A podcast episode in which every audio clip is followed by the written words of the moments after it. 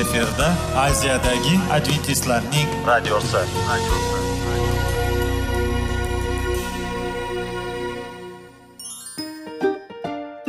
Assalomu alaykum aziz radio tinglovchilar. Sog'liq daqiqasi rubrikasiga xush kelibsiz. Zero tananing sog'lom bo'lishi va uning kasalliklardan saqlash har bir insonning burchi hisoblanadi. Inson uchun bebaho boylik bu sog'liq salomatlikdir. Uni asrash esa har birimizga omonat qilib berilgan. Shuning uchun ham inson o'z sog'lig'ini ehtiyot qilishi voajib amallardan hisoblanadi. Dono xalqimiz sog'liq tuman boylik deb bejiz aytmagan. Aql idroq sohibi bo'lgan inson o'z hayotini qadrlashi lozim bo'ladi. Hozirgi kunda qanchalik dori darmonlar ko'paymasin tibbiy muassa sifati shifokorlar vasiyasi tibbiy texnika yaxshilanmasin. Agar insonning o'z salomatligi haqida qayg'urmasa kutilgan natijaga erishib bo'lmaydi va biz sizlarga bizning dasturimizga xush kelibsiz deymiz.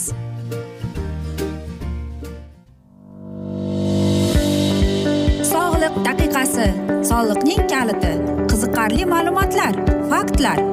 Har kuni siz uchun foydali maslahatlar. Sog'liq daqiqasi rubrikasi Vegas.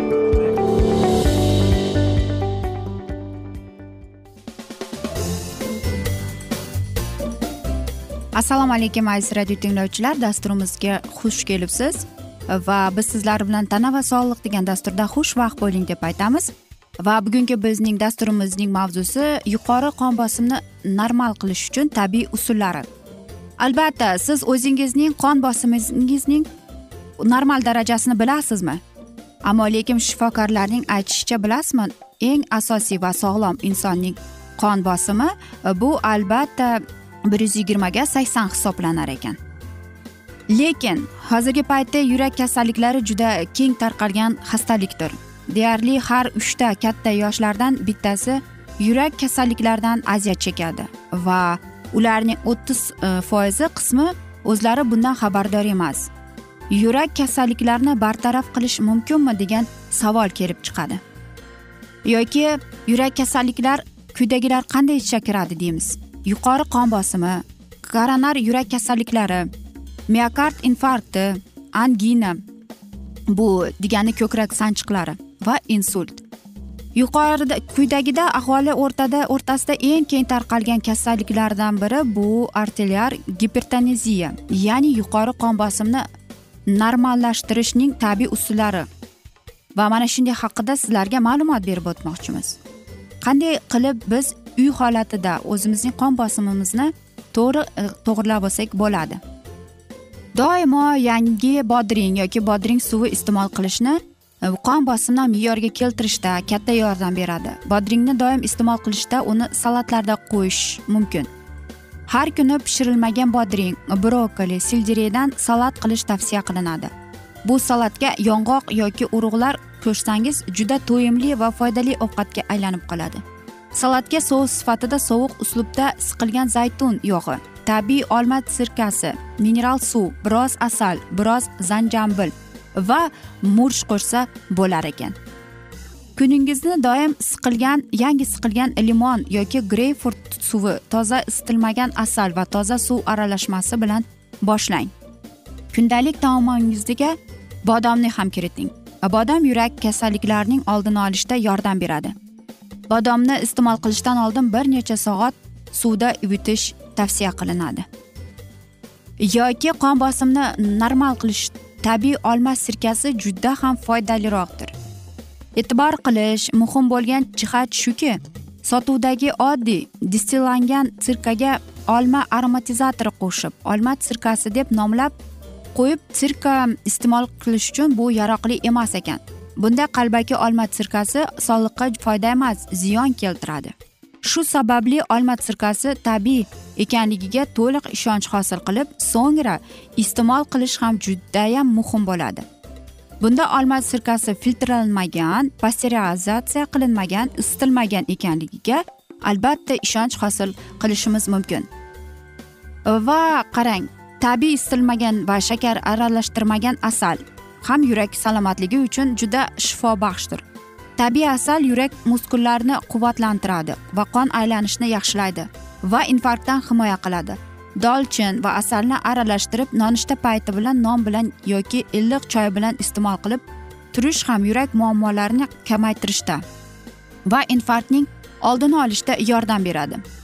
Diqqat! Qonni suyultiruvchi dorilar iste'mol qilgan paytda dolchin iste'mol qilishda ehtiyot bo'ling. Chunki buning sababchisi dolchin ham qonni suyultirib keladi. Ikki qoshiq tabiiy asalga va uch qoshiq dolchini stakan archib va u bilan aralashtirib ichilsa qon bosimi tushirishda yordam beradi. Qanday qilib deysizmi? Bu oddiy. Va qarangki buni qon bosimining pasaytirishi eng yaxshi narsa. Va buni qanday qilib davolaymiz? Bu umuman haligini gipotoniya deb ataladi. Bu asab tizimi faoliyatida tomir tonusi va nerva gormonal tartibning buzilishiga olib keladi. Uni qanday qilib pasaytirishimiz mumkin? Qattiq asabiylashish uyquchanlik umumiy holsizlik hissiy betoqatlik ob havo va iqlim sharoitini o'zgarishiga nisbatan yuqori sezguvchanlik ertalabki charchoq xotira buzilishi ba'zi jismoniy faoliyatda ham nafas qisishi termoregulyatsiyaning buzilishi siquvchi bosh og'rig'i notabiiy shishlar ko'ngil aynishi doimiy bosh aylanishi va behushlik holati. Bunda biz jinshen tindirmasini o'zimiz iste'mol qilsak bo'ladi. Yoki yarim choy qoshiq zanjambil kukuni achchiq damlagan bir stakan shirin choyga aralashtirib bir haftada o'shanda kuniga uch mahalda ichasiz. Va dozasi oshib ketmasligi kerak. Ulma sutun buznochadan o'n gramm olib ustiga bir stakan qaynoq suv quyiladi va o'ttiz qirq daqiqa o'rab damlab qo'yiladi. Suzib olgach kuniga ikki uch mahal ovqatdan oldin o'ttiz daqiqa oldin yarim stakandan sovuq holda ichilib keladi. Radiolaning maydalangan ildizlaridan bir choy qoshig'i ustiga bir litr suv quyib o'n daqiqa qaynatiladi va yana o'n daqiqa damlab qo'yiladi. Kuniga ikki uch stakandan ichilib agar gipotoniya toliqish oqibatida paydo bo'lsa qaynatma judayam yaxshi foyda qiladi. Va ajriq o'tining quritilgan tolqon qilib kuniga uch mahal bir choy qoshiqdan besh kun davomida kompotsa va orqasidan issiqroq suv ichilsa qon bosimi oshar ekan. Yomg'ir suvidan uch litr olib kuniga bir unga bir kilo navat qo'shib qaynatilsa kechasi ochiq joyda kunduzi qorong'ida saqlanadi. Kuniga uch mahal o'n besh kun davomida yuz grammdan ichiladi. Mana shunday o'ylaymanki sizlarga foydali maslahatlar bo'ldi deb va afsuski bugungi dasturimizni mazmunini yakunlashimizga to'g'ri keladi chunki dasturimizga vaqt birozgina chetlatilgani sababli. Lekin sizlarda savollar tug'ilgan bo'lsa biz sizlarni salomat klub internet saytimizga taklif qilib qolamiz va biz umid qilamizki siz bizni tark etmaysiz deb chunki oldinda bundanda qiziq va foydali dasturlar kutib kelmoqda. Va biz sizlar bilan xayrlashar ekanmiz. Sizlarga va yaqinlaringizga sihat salomatlik tilab xayrlashib qolamiz. Omon qoling.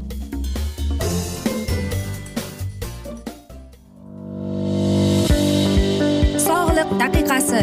Soliqning kaliti. Qiziqarli ma'lumotlar faktlar. Har kuni siz uchun foydali maslahatlar. Sog'liq daqiqasi rubrikasi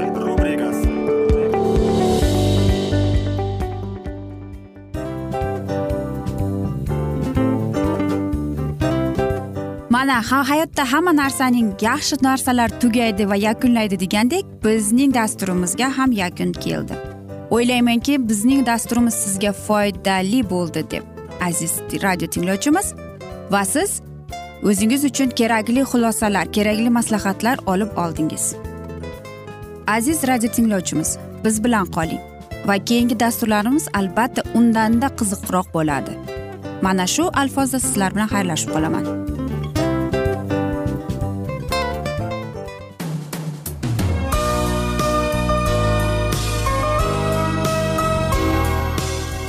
Efirda aziyadagi adventistlarning radiosi.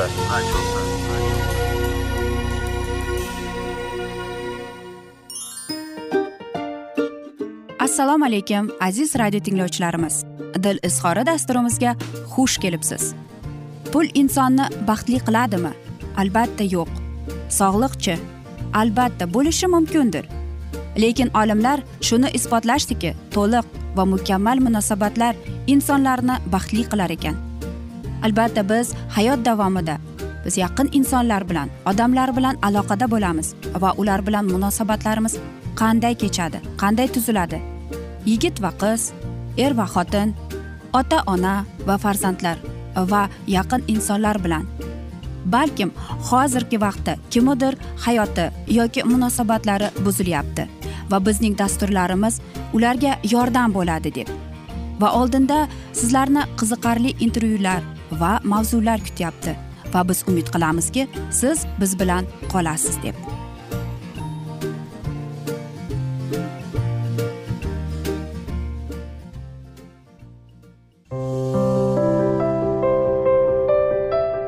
Har kuni har xil kasbdagi odamlar bilan sirlashish va bo'lishish sevgi rashq munosabat.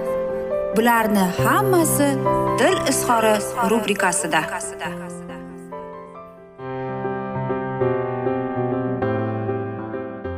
Assalomu alaykum aziz radio tinglovchilar. Dasturimizga xush kelibsiz va bugun biz sizlar bilan erkaklar marsdan ayollar veneradan degan dasturda xushvaqt bo'ling deb aytamiz.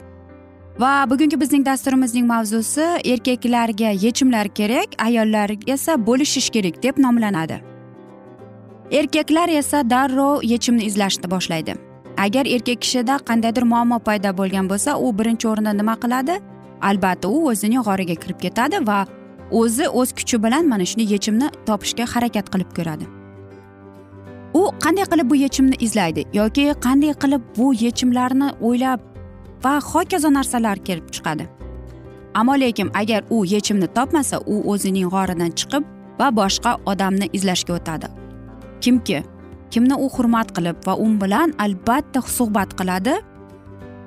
Va qarangki o'sha inson bilan muammosi bilan yechinib yoki aytaylik muammosi haqida aytganda suhbat qurganda u shuni izlaydiki o'sha insonning fikrini kutadi.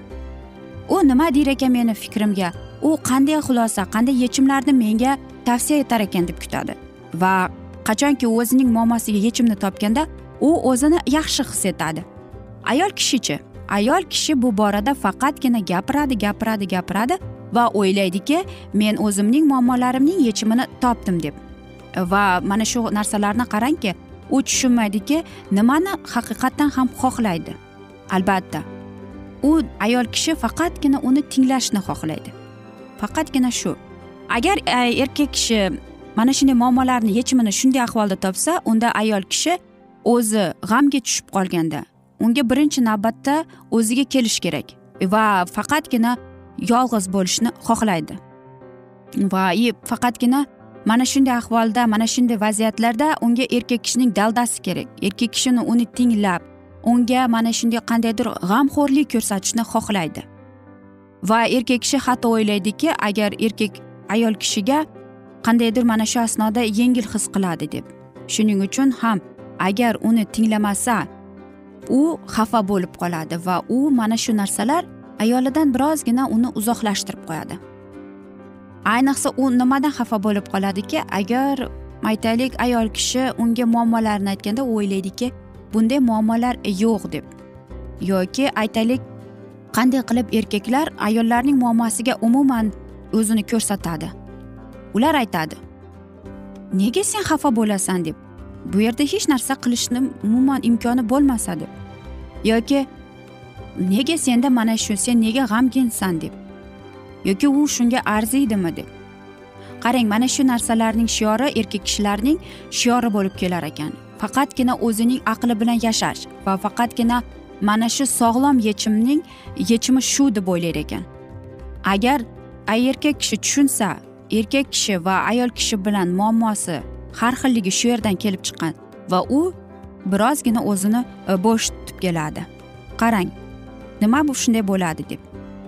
Lekin biz ko'plab muammolarni unutib qo'yganmizki erkak kishi birozgina unutchang bo'ladi yodidan ko'tarilib qoladi. Nimaki bo'lmasin erkak kishi unutchang. Masalan aytaylik u o'zini ayolini sevadi. Ammo lekin uning g'ururi uning ichki dunyosi yo'l qo'ymaydi.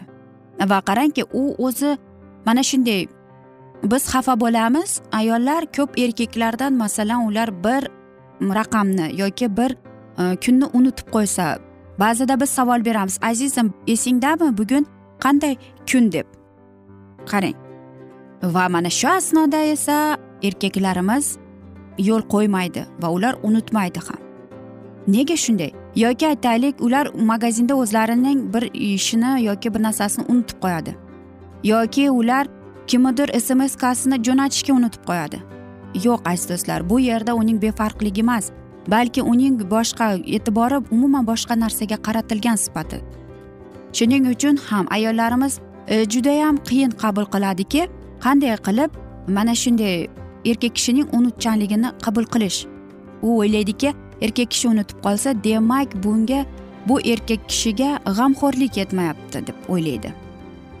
Shuning uchun aziz do'stlar agar sizning erkagingiz bor e'tiborni bor nimani aytaylik unutib qolgan bo'lsa unda xafa bo'lmay qo'yavering. Bu erkak kishi u faqatgina bir narsaga unutib yoki tabiiy narsa yoki biz aytamizki nima yodingdan ko'tarilaveradi hamma narsa nega bir narsani saqlab qolmaysan deb. Yo'q aziz do'stlar. Unday emas. Ayol kishi o'zining ongini o'zidagi bo'lgan fikrlarini o'ylaydi yaxshilab o'zining hislarini va qachonki ularni mana shu narsalarni ular yetkazishga ular o'ylaydiki mana shu narsalarga biz mas'uliyatlimiz deb. Albatta ayol kishi o'zining suhbatini uzoqdan boshlashi mumkin. Erkak kishi esa dabdurustdan aytadi. Agar aytaylik erkak kishi suhbatning o'rtasida birdaniga jim bo'lib qolsa unda nima qilish kerak? Biz o'ylaymizki buncha bu jim yoki buncha bu aqlsizmi deb. Yo'q aziz do'stlar unday emas. Shuning uchun ham aziz ayollarimiz erkaklarimizdan xafa bo'lmasak ham bo'laveradi. Ularni unutmaydi. Shunchaki ularning bor diqqat e'tibori boshqa narsaga qaratilgan boshqa narsa bilan uning xayoli band bo'lgan. Shuning uchun ham birozgina mehribonlik birozgina sevgimizni ko'rsatib ularning yodiga solib qo'ysak hech narsa bo'lib qolmaydi. Shuning uchun ham aytishadiki bu sevgi deb. Sevgi bu ajoyib va mo'jizaviy tuyg'udir. Bu sevgi. Shuning uchun agar siz bir biringizni sevsangiz men o'ylaymanki shunday kichkina muammolarni siz hal qilasiz deb. Aziz do'stlar afsuski mana shunday asnoda biz bugungi dasturimizni yakunlab qolamiz chunki bizning dasturimizga vaqt birozgina chetlatilgani sababli ammo lekin keyingi dasturlarda albatta mana shu mavzuni o'qib eshittiramiz. Va biz umid qilamizki siz bizni tark etmaysiz deb chunki oldinda bundanda qiziq va foydali dasturlar kutib kelmoqda. Va biz sizlarga va yaqinlaringizga tinchlik totuvlik tilab sog'lik salomatlik tilab o'zingizni va yaqinlaringizni ehtiyot qiling deb seving seviling deb xayrlashib qolamiz.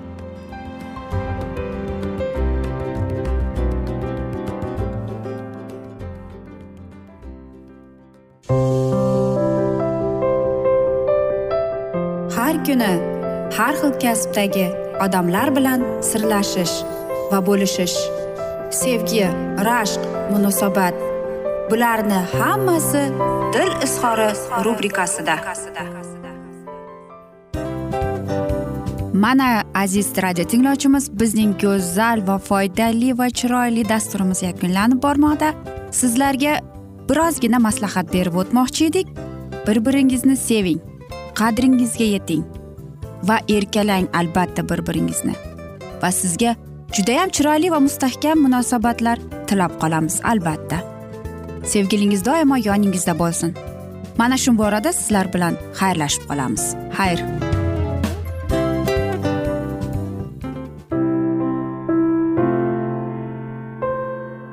Hayotning noni. Qiziqtirgan savollar va javoblar. Buning hammasi ko'ngil uchun oziqa rubrikasida.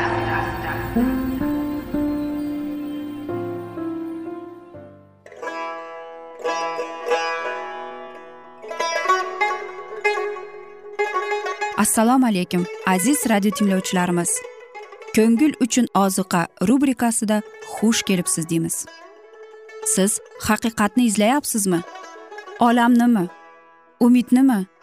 Siz kimga murojaat qilmoqchisiz? Odamlar ko'pincha siyosat kuchiga tayanadilar. Dunyo iqtisodiyoti holati tobora chuqurlashib bormoqda. Tabiiy ofatlar va texnogen halokatlar minglab insonlarning hayotini olib ketib juda katta zarar yetkazmoqda. Sizga abadiy hayot inomini hadya qiluvchi va hayotingizni tubdan o'zgartiruvchi haqiqatni izlab toping. Xudo haqidagi haqiqat uning kalomida mujassamlashgan. Kimki bu haqiqatni butun qalbi bilan izlasa albatta unga yetishadi. Bu sevgi xudoning tarixidir. Hayotingizda yoki sizning yon atrofingizdagi olamda nimalar yuz berishidan qat'iy nazar? Siz ertagi kunga buyuk umid va ishonch hosil qilishingiz mumkin. Hozirda xudo sizga taklif qilayotgan umid ishonchga o'z qalbingizni oching va sizni qiziqtirayotgan mavzularni savollaringizga javoblaringizni topib olasiz deb umid qilamiz. Biz bilan qoling.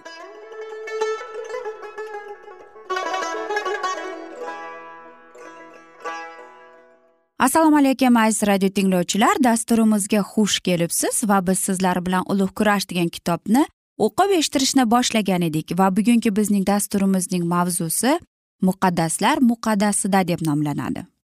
Bir ming sakkiz yuz qirq to'rtinchi yili ana shu masala adventistlarga tushunarsiz bo'lgan. Najotkorning olamga ikkinchi bor kelishi kutilgan vaqti o'tgan bo'lsa ham masihni tez orada kelib qolishiga buyuk krizis davrida yashayotganlarga va masihning xudo oldidagi vositachilik xizmati yakunlashiga ular ishonchni davom ettirdilar. Ularning tasavvurida muqaddas kitobning ta'lim berishiga ko'ra odamlarni sinash vaqti masihning shon shuhratda kelishidan birozgina oldin yakunlanadi. Shu bilan birga odamlar ko'z yoshi to'kib huzur halovatining yopiq eshigini taqillatayotganini biroq eshik boshqa endi ochilmasligi vaqtini ko'rsatib turuvchi matnlarga ular asoslanganlar. Shunda ular quyidagicha savolni o'rtada tashlaydilar. Masihning kelishi hisoblab ko'rsatilgan davr. Uning qaytishidan oldin bevosita azob uqubatlarning e, boshlanish vaqti emasmikin? Hukm yaqinlashib qolganligi haqida odamlarni ogohlantirish maqsadida ular imkon qadar qo'llaridan kelgan ishni qildilar. Dunyo uchun ularning qilgan xizmati yakunlanib qolganligi va gunohkorni qutqarish mas'uliyatini ulardan sokit bo'lishni hisoblab chiqdilar. Ularga qaratilgan tahrirlashlar va masxara qilishlarga xudoning huzur halovatini inkor etganlardan xudoning ruhi voz kechganlarning isboti sifatida qarar edilar. Bularning hammasi sinov vaqti tugagani va yoki ularning o'shanda aytish bo'yicha marhamat eshigi yopilganligi to'g'risidagi ularning fikrlarini tasdiqlaydi. Lekin ma'bad to'g'risidagi masalani taqiq qilishda ularni yanada yorug' nur ruhlantirdi. Ikki ming uch yuz kunning bir ming sakkiz yuz qirq to'rtinchi yilda yakunlashini yanada boshqa muhim hodisa bilan nishonlashni taxmin qilganlarida ular haq bo'lganlariga yana bor ishonch hosil qilishdi. Odamlar uchun o'n sakkiz asr davomida xudoning huzuriga kirish yo'li bilan bo'lgan umid va marhamat eshigi garchi chindan ham yopilgan bo'lsada endilikda boshqa yo'l ochildi. Muqaddas makonda masihning vositachiligi orqali odamlarning gunohlarini kechirishlarining imkoni tug'ildi. Najot topish e, buyuk xizmatda isoning ortida ishonch bilan borganlar o'zlarini uchun masihning qilgan vositachilik xizmati hosilidan barhamand bo'ldilar. Bunday xizmatning nurini inkor etganlar esa bundan hech qanday foyda olmaydilar. Masihning birinchi kelishida yahudiylarga berilgan nurni ular inkor qildilar. Qolaversa unga olamning najotkori sifatida ishonchdan bosh tortdilar. Shuning uchun ular masih vositachiligidagi kechirilishiga ega bo'lmaydilar. Iso osmonga ko'tarilgandan keyin o'zining vositachilik xizmati marhamatlarini o'zining izdoshlariga bergani o'zi qoni bilan samoviy makonga kirdi. Yahudiylar esa foydasiz qurbonliklar keltirishni davom ettirib qorong'i zulmatda qoldilar. Xudo o'zining marhamati ila odamlarga yuborayotgan ogohlantirishni noqonuniy tarzda ularga qaytara olmaydilar. Nuh payg'ambar davrida osmondan xabar yuborilgandi. Odamlarning qutqarilishi ana shu xabarga qanday munosabat bildirishlariga bog'liq bo'lgan. Garchi ular barcha ogohlantirishlarni rad qilganlari uchun xudoning ruhi gunohkor odam zotidan yuz o'giradi. Shunday qilib insoniyat najot topolmay tufonda halok bo'ladi. Ibrohim davrida xudoning marhamati gunohkor sadum aholisiga yordam ko'rsatishni bas qilganda lut uning xotini va ikki qizidan tashqari butun shahar aholisi halok bo'ladi. Masih davrida ham shunday bo'lgan. Imonsiz yahudiylarning o'sha ahvol avlodida xudo murojaat qilib shunday degan mana sizning uy joyingiz huvillab qoladi. Oxir zamonga murojaat qilib o'sha cheksiz kuch o'zini qutqarish uchun haqiqatni sevgisini qabul qilmaganlarga shunday deydi. Ana shu sababdan xudo ularga aldovchi bir kuch yuboradi. Ular esa yolg'onga ishonib ketadi. Shu yo'sin haqiqatga ishonmagan nohaqlik qilishdan zavqlanadigan barcha odamlarga tegishli jazosini oladilar. Ammo haqiqat nuriga intilganlarning hammasiga masih vositachilik qilishni va nur taratishni davom ettiradi. Garchi bunday holat oldiniga adventistlarga tushunarsiz bo'lsada muqaddas bitik tufayli keyinchalik hammasi aniq va ravshan bo'ldi. Ba'zi bir odamlar bashorat davrlarining to'g'ri hisoblaganlariga bo'lgan ishonchdan voz kechdilar. Adventistlar harakati boshqarib borgan muqaddas ruh nufusini dunyoning yoxud iblisning ta'siri deb hisobladilar. Boshqalar esa bosib o'tilgan sinovlarda rabbiy ularni boshqarganiga ishonchlari komil edi. Xudoning irodasini bilish maqsadida intizorlik bilan kutib toat ibodatda bo'ldilar. Ularning buyuk oliy ruhoniysi o'zining muqaddas xizmatining ikkinchi bosqichiga o'tgandi. Uning ortidan ishonch bilan borib jamoatning yerdagi yakuniy mehnati ma'nosini adventistlar harakati izdoshlari yaxshi tushunib oldilar. Ular birinchi va ikkinchi farishtalarning xabarlari haqida aniq va ma'lum tushunchaga ega bo'ldilar. Endilikda esa vahiy kitobning o'n to'rtinchi bobida berilgan uchinchi farishtaning tantanali ogohlantirishni qabul qilishga va uni dunyoga e'lon qilishga tayyor bo'ldilar.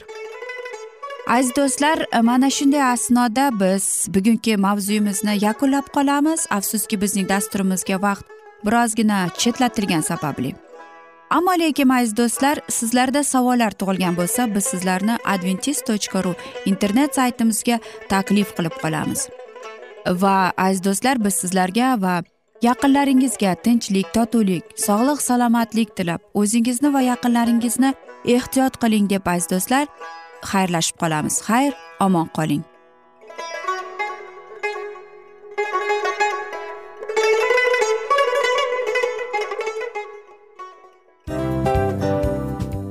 Aziz radio tinglovchimiz hamma yaxshi narsaning yakuni bo'ladi degandek bizning ham dasturlarimiz yakunlanib qolmoqda. Aziz do'stlar o'ylaymanki bizning dasturlarimiz sizlar uchun judayam foydali bo'ldi deb bizning dasturlarimizdan siz o'zingizga foydali va judayam kerakli maslahatlar oldingiz deb. Masalan sog'liq borasida biz sizlarga sog'liq tilaymiz albatta lekin bizning maslahatlarimizga ham amal qilishga unutmang. Munosabatlarga kelganda bu munosabatlar chuqur va yaxshi bo'lishi uchun uni ustidan ishlash kerak albatta. Diniy masalaga kelsak aziz do'stlar bu judayam jiddiy va chuqur nazarni talab qiladi. Ammo biz sizlar bilan xayrlashib qolmaymiz keyingi dasturlarda eshittirishimizni davom ettiramiz va sizlar bilan mana shu yaxshi kayfiyatda xayrlashib qolamiz. Va keyingi dasturlarda ko'rishguncha xayr!